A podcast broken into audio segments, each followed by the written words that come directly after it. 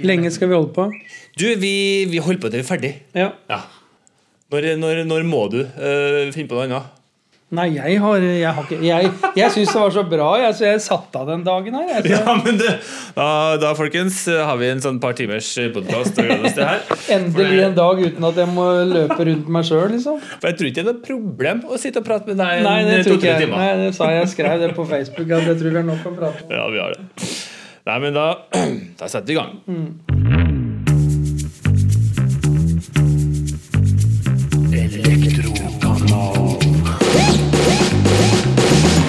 Elektriker, bli ved din lest.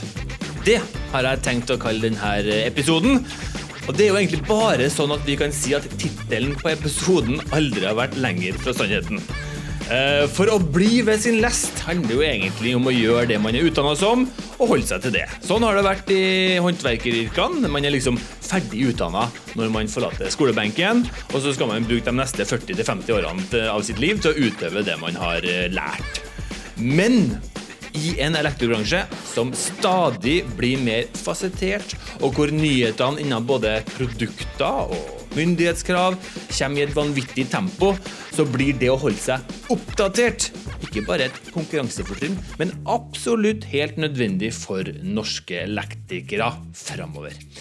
I dagens episode skal vi snakke med en kar som vier all sin tid til å løfte kompetansen til norske elektrikere. Det er en gjest veldig mange i bransjen enten har vært på kurs til, eller kanskje opplevd et foredrag med. Og han er utdanna adjunkt, har tolv års erfaring som lærer i grunnskolen. Han har vært spillerutvikler og trener for et elitefotballag. Han har 13 års fartstid som daglig leder i Nelfo Sør-Rogaland, hvor han bl.a. har vært sterkt involvert i elsikkerhetsarbeidet, spesielt med Fem sikre og feilstatistikk for elektrobransjen som sentrale oppgaver. Han har til og med vært daglig leder han, for et elektrikerfirma som i dag har 23 ansatte, omsetter for 40 millioner. Og i 2016 så eh, etablerte han sin egen kursvirksomhet for elektrobransjen, med tilbud som strakk seg fra FSC-kurs, lærlingekurs, økonomikurs, baskurs og fem sikre, for å nevne noe. Og det har han fortsatt med fram til i dag, dog de siste et og et halvt årene under paraplyen Evan Jones International. Han blir omtalt som mannen, myten og legenden. Velkommen til verdens viktigste podkast, Knut Eriksen. Tusen takk. Du, noe du reagerte på eller vil legge til i den introduksjonen?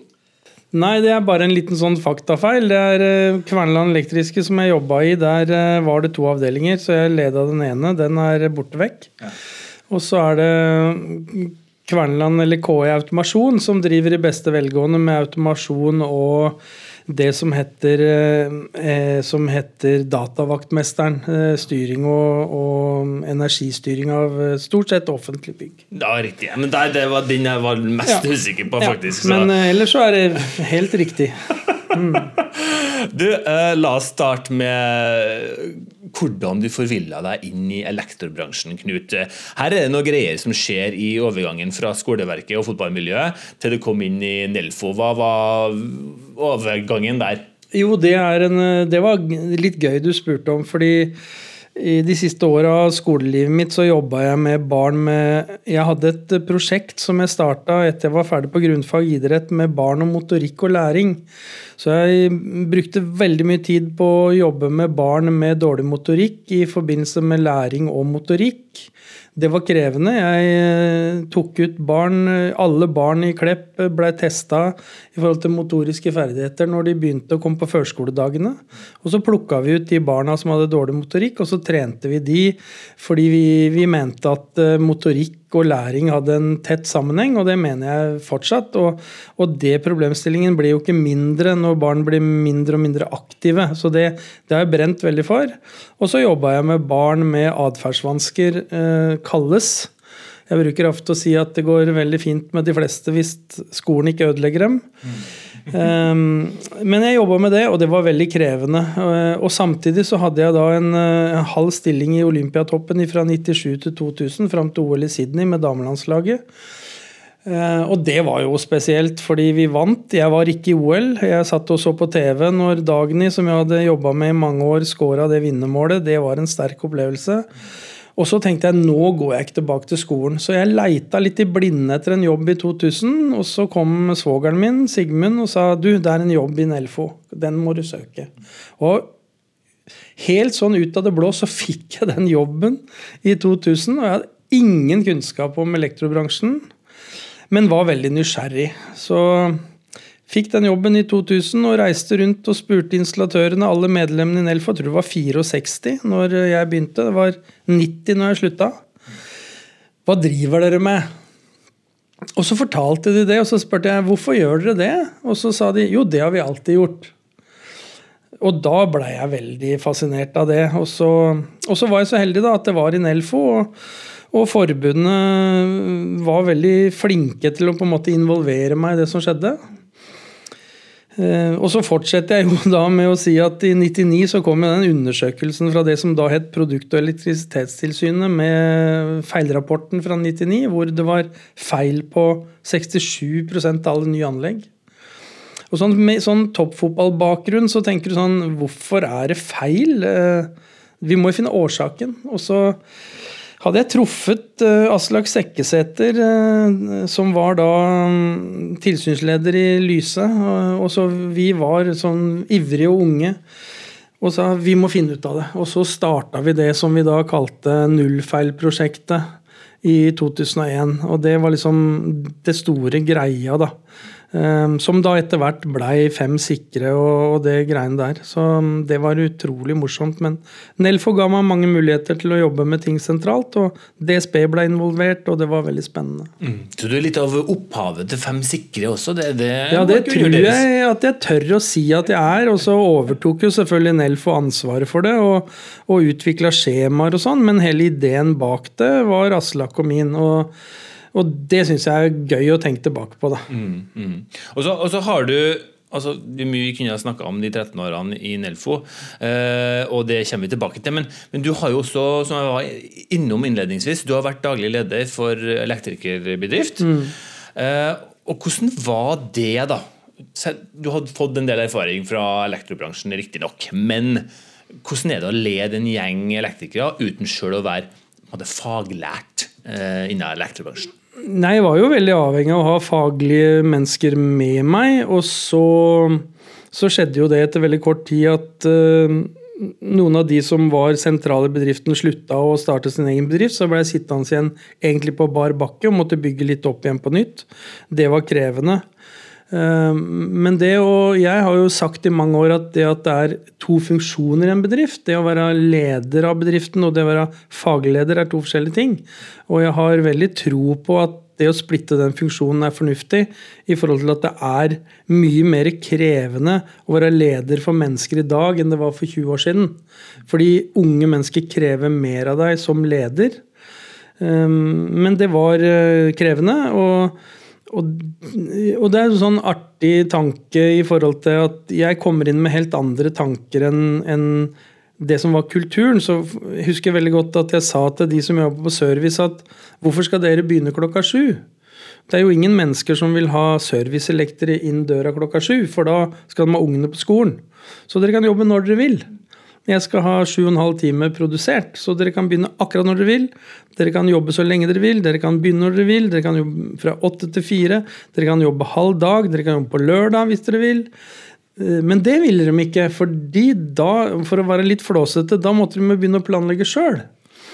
Og det som jeg sier mange ganger når jeg holder disse økonomikurs for elektrikere, det er jo at elektrikere har en sånn Det er litt sånn Hva skal jeg gjøre nå? Nå er jeg ferdig. Eh, så de er liksom vant til å få oppdrag etter oppdrag. og så det er lite sånn dynamikk i det å på en måte holde seg sjøl i gang. Og det syns jeg er litt annerledes enn kanskje mange andre plasser. Så vi har en sånn, litt sånn underlig kultur på det. da, Og det, det, jobber vi mye med når vi jobber med baser og prosjektledere, i forhold til å på en måte få autonomi i i det å få et samarbeid som gjør at folk kan ta ansvar for sin egen hverdag. Mm. Det tror vi veldig på i Evan Jones. da. Så, ja, for, for, du tenker at det henger, altså selvgående eller selvledelse men noe som mm. vi har begynt å prate om, i hvert fall i sånn koronaen, eh, koronaen slo inn, så ble det ja. mye selvledelse eller fjernledelse. Ja. Men, men, at det også henger sammen med trivsel og mestring i det du skal gjøre også. Ja, og det nå veit jo du, Brage, at jeg jobber med Alcel og lærlingskoler.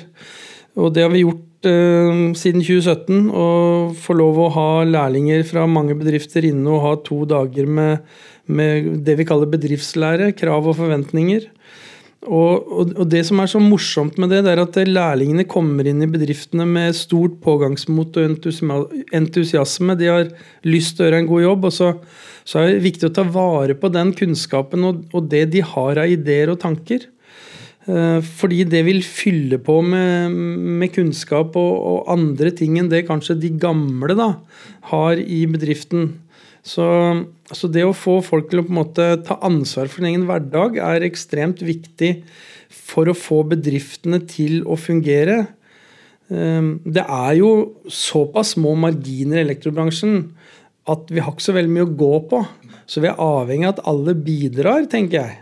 Det er viktig for meg å si. Mm, kjempebra. Altså, Vi skal snakke litt mer. Har noen sånne stikkord på, på, på, ting du har vært opptatt av, og de kursene du har hatt. Men, men la oss først ta ett skritt tilbake og snakke om hva var motivasjonen din for å gjøre noe så ja, usikkert og vågalt som å starte med etterutdanning eller voksenopplæring for elektrikere. Hva var det som gjorde at du bestemte deg for å gjøre det her på, på et tidspunkt? Ja, det, en, det, er et uh, bra spørsmål. Det var sånn at når jeg Det er en artig historie, syns jeg sjøl, men det, i 2001 så skjedde det en ulykke på et verft i Flekkefjord. En eh, strømulykke. Strømgangsulykke. Og da var det omtrent akkurat i ferien. Så fant de menneskene ut at de måtte ha et FSC-kurs. Og ingen kunne holde det, så da ble jeg bedt om å reise dit og holde det kurset. Og da snakk... Jeg kunne jo ikke noe om det her, så jeg tok med meg Nelfo sin DVD og liksom skulle kjøre gjennom den. Men så begynte jeg å snakke med dem og hørte liksom hvordan jobber dere, og hva skjer, og hvordan er det? Og de fortalte hvor ille det var, eh, hvor høy risiko det var om bord i den båten. Og så tenkte jeg Knut, du har jobba med barn med atferdsvansker i ti år. Eh, dette er vel kanskje det nærmeste vi kommer voksne med atferdsvansker.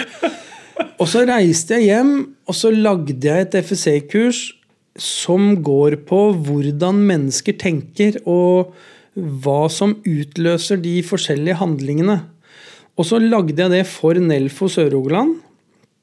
Eh, og holdt det for medlemsbedriftene for en rimelig penge fram til jeg slutta i 2013. Eh, holdt 50-60-70 kurs i året.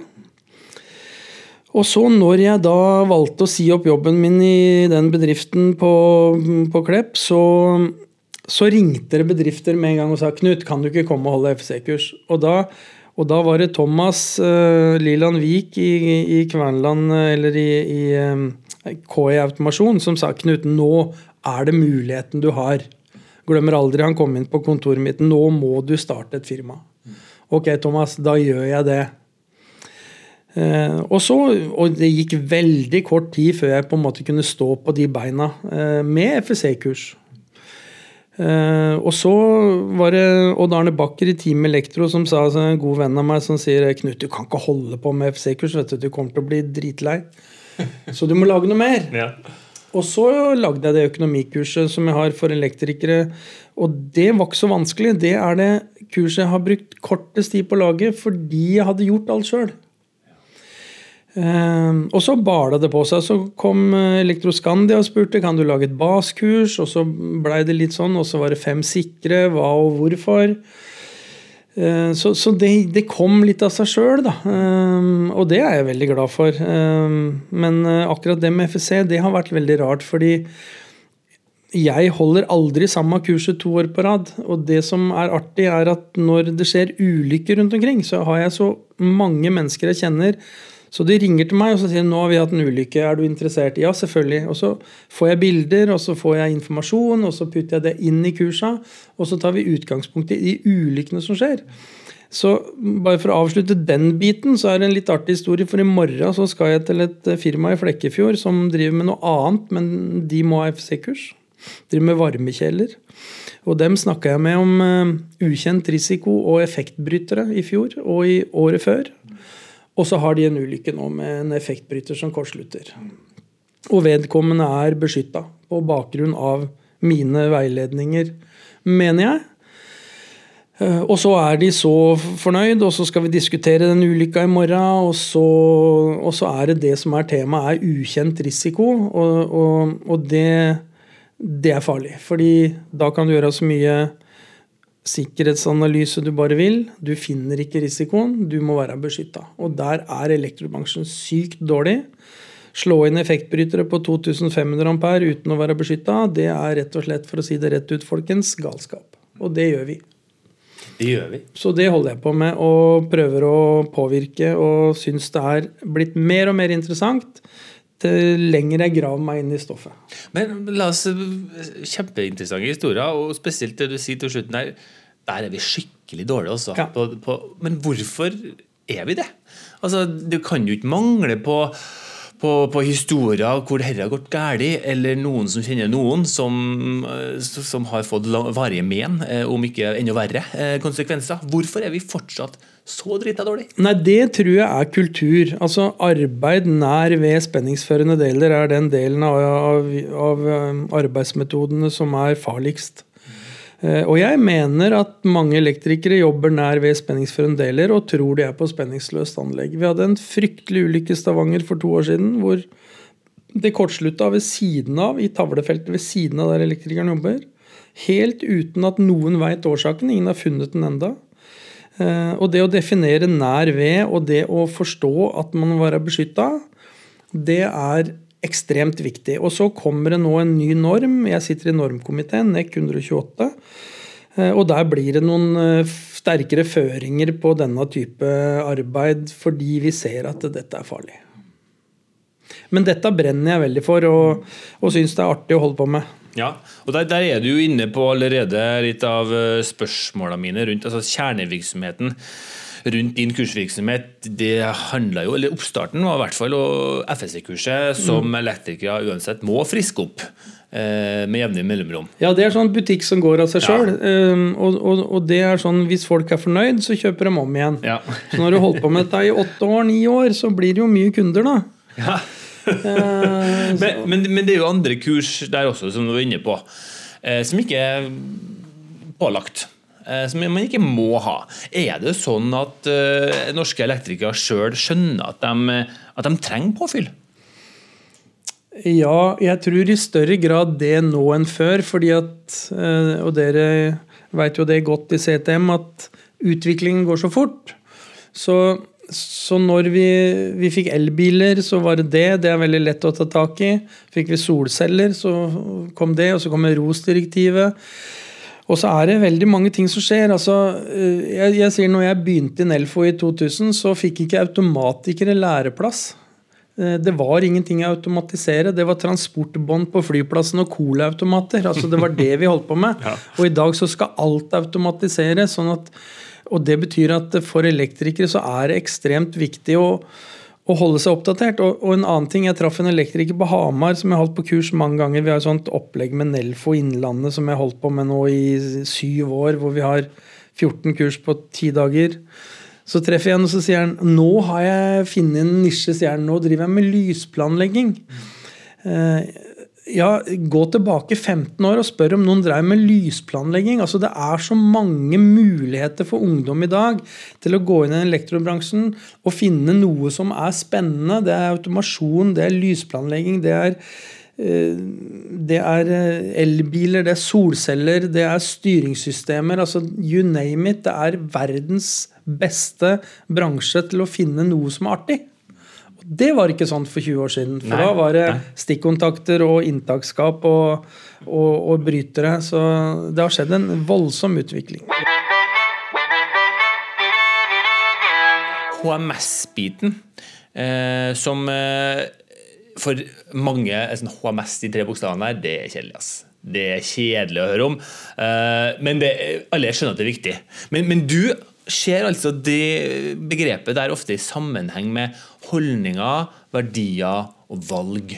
Hva, hva legger du i det? jeg jobber jo med at bedrifter må ha et verdisyn. altså Det må være noe vi er enige om. Og Så jobber vi med det i bedrifter, og så sier vi hva skal vi stå for? Altså Hvis, hvis vi skal stå for ærlighet, så jobber vi med ja, men hva betyr det for oss? Og det å forankre verdiene i de som faktisk skal utføre jobben. fordi at i veldig mange bedrifter, og, og problemet hvis jeg kan si det i gåsetegn, blir større til større bedriften er. Fordi verdiene blir laga av noen andre, og så blir det tredd nedover huet. Så det er utrolig morsomt å gå inn i bedrifter som sier at ja, vi må lage en felles plattform. Og hvis jeg fører det over til økonomikurset mitt, så blir jeg ofte spurt om å komme og holde økonomikurs. Og det er jo veldig ofte i bedrifter som går dårlig. Og, så, og det er skreddersøm. Da går vi inn i regnskapene, vi ser på hva som skjer, hvorfor skjer det. Og så viser det seg nesten alltid at det handler om holdninger. Folk kommer ikke på jobb når de skal, de leverer ikke timelister når de skal, de gjør ikke sluttkontroll, de går hjem for tidlig, de kjører pri, privat eh, bil, firmabilen. Altså Det handler om å om å få en enhetlig forståelse av hva som gjør at bedriftene tjener penger. Og da handler det faktisk om en så enkel ting om å være der du skal være når du skal være der. Og gjøre jobben. Og, og, og, og derfor så er det artig Og det var grunnen til at jeg gikk i Even Jones. Det var på en måte at jeg jobba med det jeg gjorde. Men det jeg så, det var at jeg kom ut og holdt FSC-kurs eller økonomikurs, og så reiste jeg igjen. Og det som vi jobber med hos oss, det er jo å være der over tid. Og følge opp og, og gi hjelp til å så sier, Vi hadde et, eh, et baskurs forleden dag her i Trondheim. Og så sier en ja, men vi har trøbbel, Knut, for folk kommer ikke på jobb når de skal. Så hvis jeg skal ha morgenmøte med folka mine klokka sju, så er de ikke der. Hva skal jeg gjøre med det? Ja, For meg er det ganske enkelt å svare på. Men, men, men, det møter vi veldig ofte. Så det å jobbe med ledelse ja. um, Og da må jeg bare fortsette med det, fordi at jeg sier at det å uh, Og det er kanskje den andre forskjellen. Det er at uh, det å lede folk i dag er mye mer krevende enn det var for 20 år siden. Uh, og da må du ha en plattform og verdiene dine og, og, retningen og avtalene du lager. Vi sier at du må ha et oppstartsmøte. Sånn gjør vi det hos oss. Og så må du lede etter det, for det blir mye enklere. Så det var jo det jeg snakka om på når du var i Alcel og vi reiste på båten og holdt kurset som heter 'Fra kompis til leder'. Det er det det handler om. Det handler om å ha retning og forutsigbarhet. Og det syns jeg er artig å jobbe med folk med. Ja, men kan jeg ikke bare spørre? Du, du, du, sier det jo fordi du erfarer det. At det er mye mer krevende å lede eh, montører i dag enn for 20 år siden.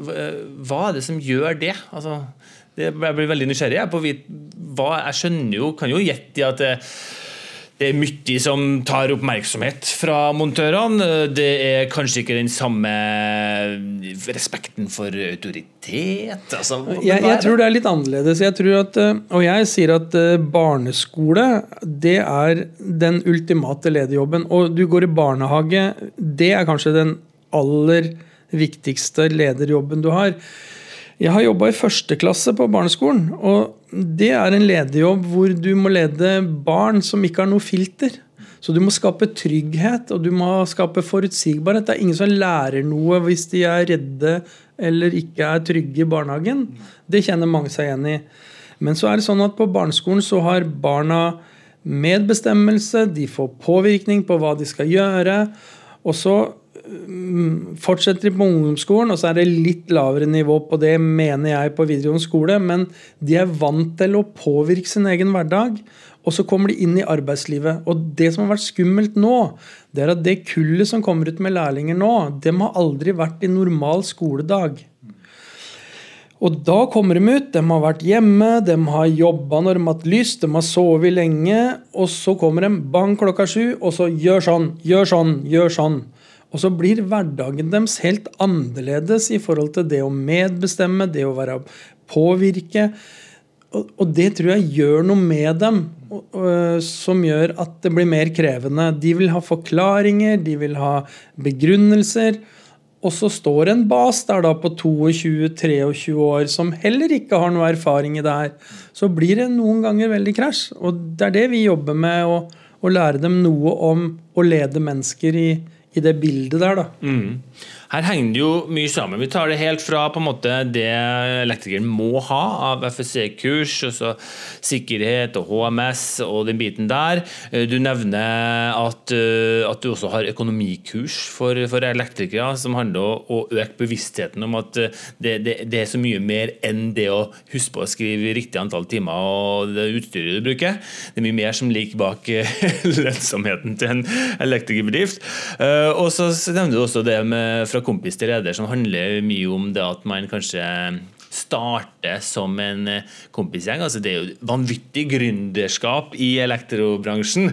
Alle som har mm. ambisjoner og er flinke i faget, de, de, de, starter jo på et eller annet tidspunkt sin egen bedrift. Så da, da er det jo en kompisgjeng, og vekst oppi dere gjør at man må gå fra kompisgjeng til profesjonalisere forholdet. Ja, Der går jo et veldig tydelig skille for meg på fem ansatte. Du ansetter, Det er to som starter, og så ansetter de noen de kjenner.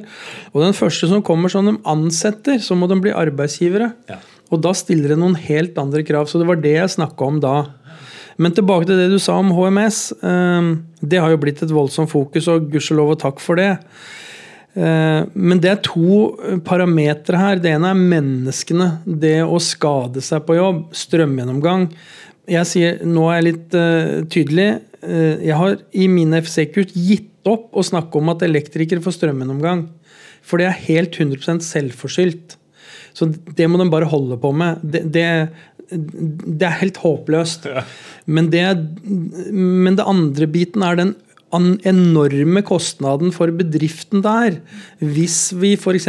ramler ned fra en stige blir alvorlig skada. Og i det øyeblikket Arbeidstilsynet og politiet kommer inn i det bildet her, så koster dette her Jeg mener at det er en av de store konsernene som har gjort undersøkelser på det. Det koster mellom 100 og 150 arbeidstimer bare å behandle skaden. Og, og, og i tillegg til den tragedien for det mennesket som er skada. Og Derfor så må vi unngå dette og få fokus på det her. Og, og der er vi på en måte overgangen til det du, du sier. ikke sant? At eh, det er nærmest veldig egoistisk å, å gå, på arbeid, gå, på jobb som elektriker og tenke at nei, men det, jeg har gjort det hundre ganger før. Det går, går, fint.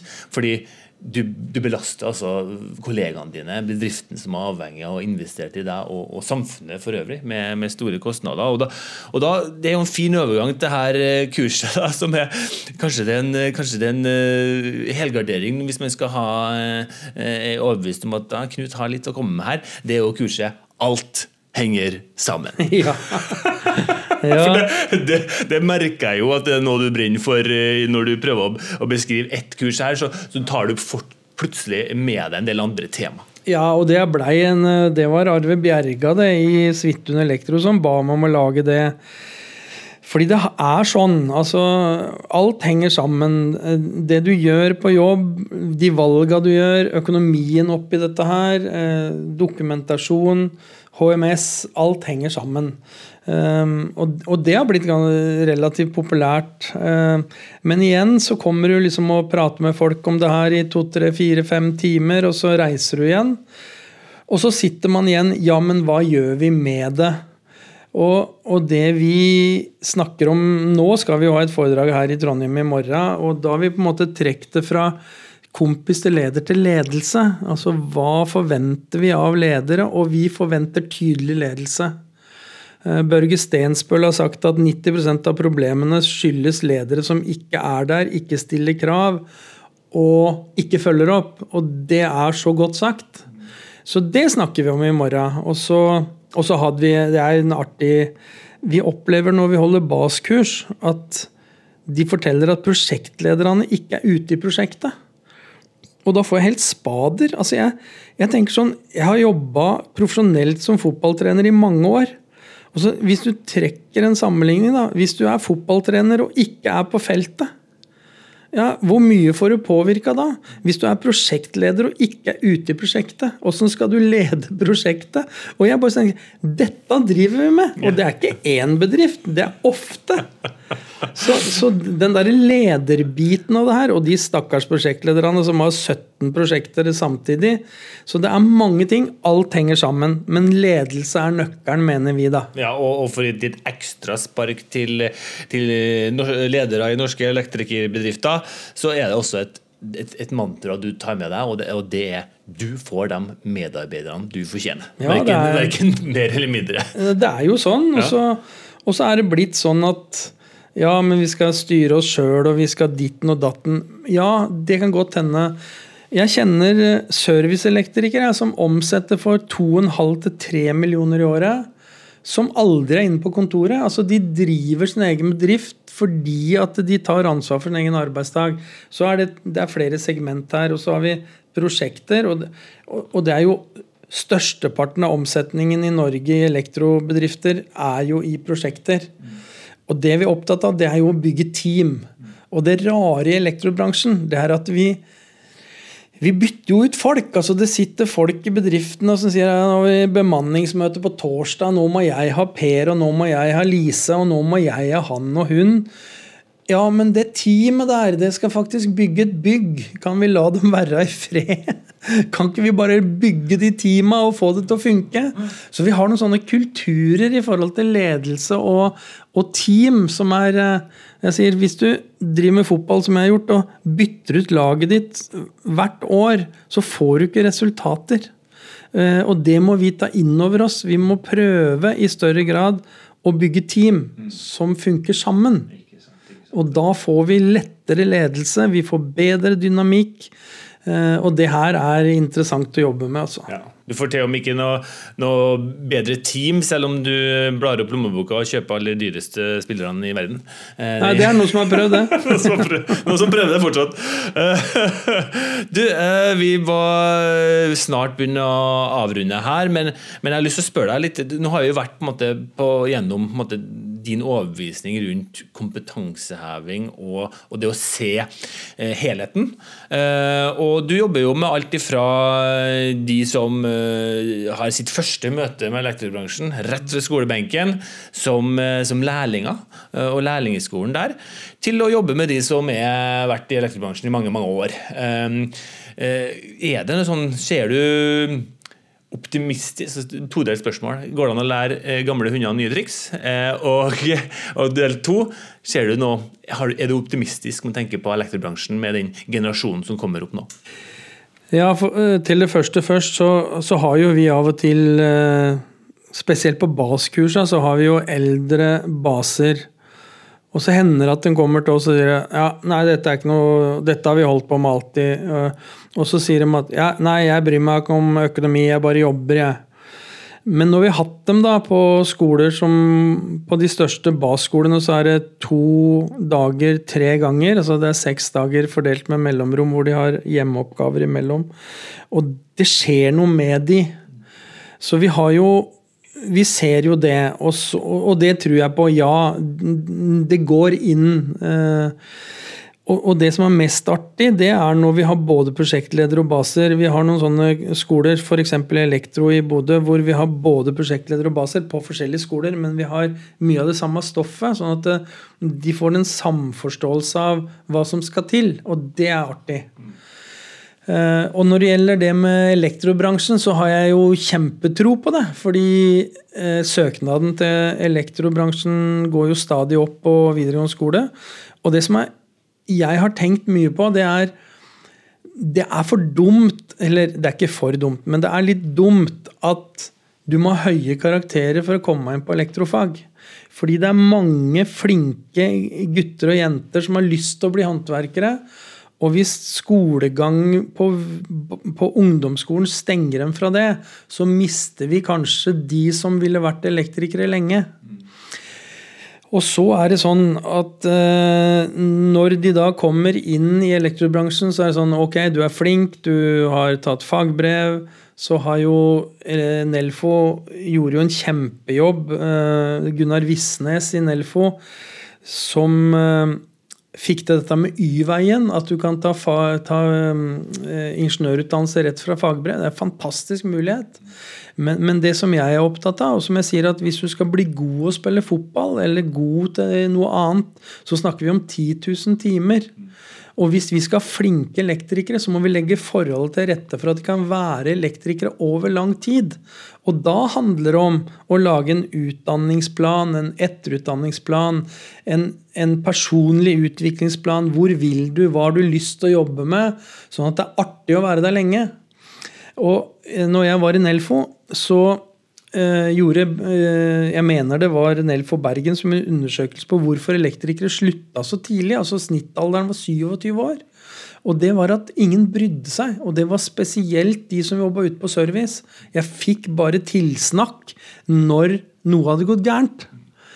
Men det å klappe noen på skuldra, det å være til stede, det å se, det å gi tilbakemeldinger, det gir motivasjon. Og hvis du da lager en skoleringsplan og ser litt fram i tid, så tror jeg vi kan beholde folk lenge. Og i dagens elektrobransje så må vi ha kompetanse som varer, fordi det er så krevende. Så jeg tror at dette er mulig, men det handler veldig mye fortsatt om ledelse. Hva, hva vil du si til norske elektrikere, og gjerne ledere hos norske elektrikere, som, som La oss begynne med det elektriker bli ved din lest, eh, som vi innleda med. Eh, som tenker at nei, det, det går eh, fint. Det, det, går fint å ri videre på, på den utdanninga jeg tok for, for x antall år siden, uten å sette meg inn i nye ting. Ja, For det første så mener jeg jo at installatørrollen er ekstremt viktig. Og heldigvis så blei det noen krav til den for noen år tilbake, når den nye kvalifikasjonsforskriften kom. Eh, sånn at de er på en måte mer nødt til å holde følge og, og være med. Men, men, men det, de bedriftene som blir gode i dag, de, de følger med i timen. Og så handler det om å se folk og se muligheter til å, å finne nye kompetanseområder og utvikle de unge og bruke penger på det. Og det handler ikke om oss i Evan Jones, det handler om fagkompetanse. Finne de miljøene som kan gi dem utdannelse, og være villig til å investere penger i å utdanne deg for framtida. Det tror jeg vil gjøre at de beste blir bedre. Det her har vært utrolig trivelig og ikke minst veldig interessant, Knut. Det eh, skal jo sies at vi har prata før, vi utenfor mikrofon. Ja. Eh, så, men allikevel, det var utrolig Og du har, tatt, du har lagt til noen nye, eh, nye perspektiver inn i det helhetlige bildet du har for, for elektrobransjen. Eh, vi pleier å avslutte med et par sånn faste spørsmål da, mm. til våre gjester. Og, og det ene er når kan du fortelle eller huske sist gang du ble, var, virkelig var stolt av å være en del av elektrobransjen? Nei, det Jeg, Nei. Det er, jeg, jeg tror at det jeg blei veldig tidlig involvert i den såkalte Gnist-kampanjen som Nelfo hadde for å rekruttere elektrikere. Den tror jeg lever enda. Det var veldig artig. Det er klart fem sikre, men jeg, men jeg syns jo det er artig når min gode venn eh, i Team Elektro er ute med annonser og får redaksjonell omtale på ROS-direktivet og virkelig viser at vi har kunnskap som kommer samfunnet til nytte. Og det som jeg syns er litt spesielt, er at hvis jeg går i postkassa mi på en onsdag, så finner jeg brosjyrer fra rørleggere. Jeg finner aldri en brosjyre fra elektrobransjen som viser hva vi kan. Så vi har så mange produkter og muligheter Bare tenk på strømprisen, da! Det kan du alt om! Altså, Tenk deg hvor passive vi er til å styre. Jeg, var, jeg må bare si det. Hadde, jeg hadde et økonomikurs på Sørlandet hvor en kunde hadde 80 av omsetningen sin i én rammeavtale. Altså risikoen er skyhøy. Og i det området var det hytter og hus i bøtter og spann. Strømprisen på hytta den får du ikke strømstøtte for. Det er hytte tusenvis av hytter i det området. Altså, Du kan gå på dørene og banke på. 'Jeg kan styre strømmen din'. Og da kjenner jeg bare de mulighetene der.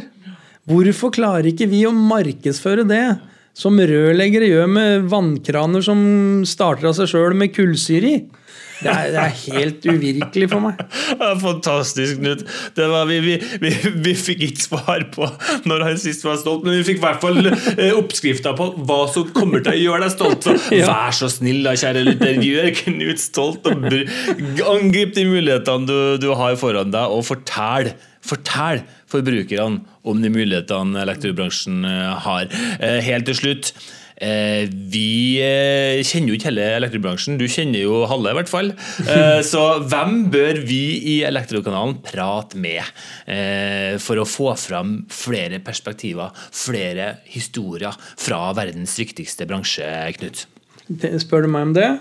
Ja. Ja, jeg syns jo at Ove Guttormsen i Nelfo, som sitter på en måte midt i paien, er en interessant intervjuer. Han har vært med, faktisk. Han har vært med, ja. Ehm, jeg eh, Thomas Liland Vik i KI Automasjon har gjort en fantastisk jobb i forhold til det segmentet han er i, hvor de har bygd opp et helt eget produkt. Eh, veldig spennende å snakke med han om den utviklingen han har sett. Eh, han driver med mange andre ting enn akkurat elektro òg, så det er spennende. Men eh, ja, det Det er de to jeg sånn først og fremst kommer på veldig kjapt. Ja, du snakka om, om, om L-Team som hadde angrepet dette ROS-direktivet? Ja, det er Teamet Elektro og Arne Bakker. Ja. Eh, de har vært utrolig på, og de, de, har gjort en strategisk analyse. Jeg kjenner godt styrelederen der også. Eh, og har på en måte lagt om hele drifta si. Det er, eh, det er veldig mange bedrifter i elektrobransjen som jobber bare i anbudsmarkedet. De har valgt å gå motsatt vei. Privatmarkedet, der er det alltid penger. Der er det muligheter. der får du høyere pris, og de har vært veldig gode på å finne de nisjene hvor de kan selge i det markedet. Så Odd Arne er framme i skoa, han. Så Odd Arne kan du ta en prat med. Der fikk vi masse gode tips eh, fra en eh, mann som har eh, Ja, veldig mange i elektrobransjen har et forhold til. Tusen hjertelig takk for en hyggelig og interessant prat, Knut. Jo, det var morsomt. Takk skal du ha. og ja, da skal vi avrunde med å si at jeg som vanlig heter Brege Brage Stemme Johnsen. Og Knut Eriksen var vår gjest i dag. Alle episodene, 72 episoder har vi nå, ligger ute på Spotify eller på der du hører, hører podkaster. Og så kan du følge oss i sosiale medier på Facebook, Instagram og LinkedIn. Og da gjør vi som vi pleier å si vi høres. Elektrokanalen.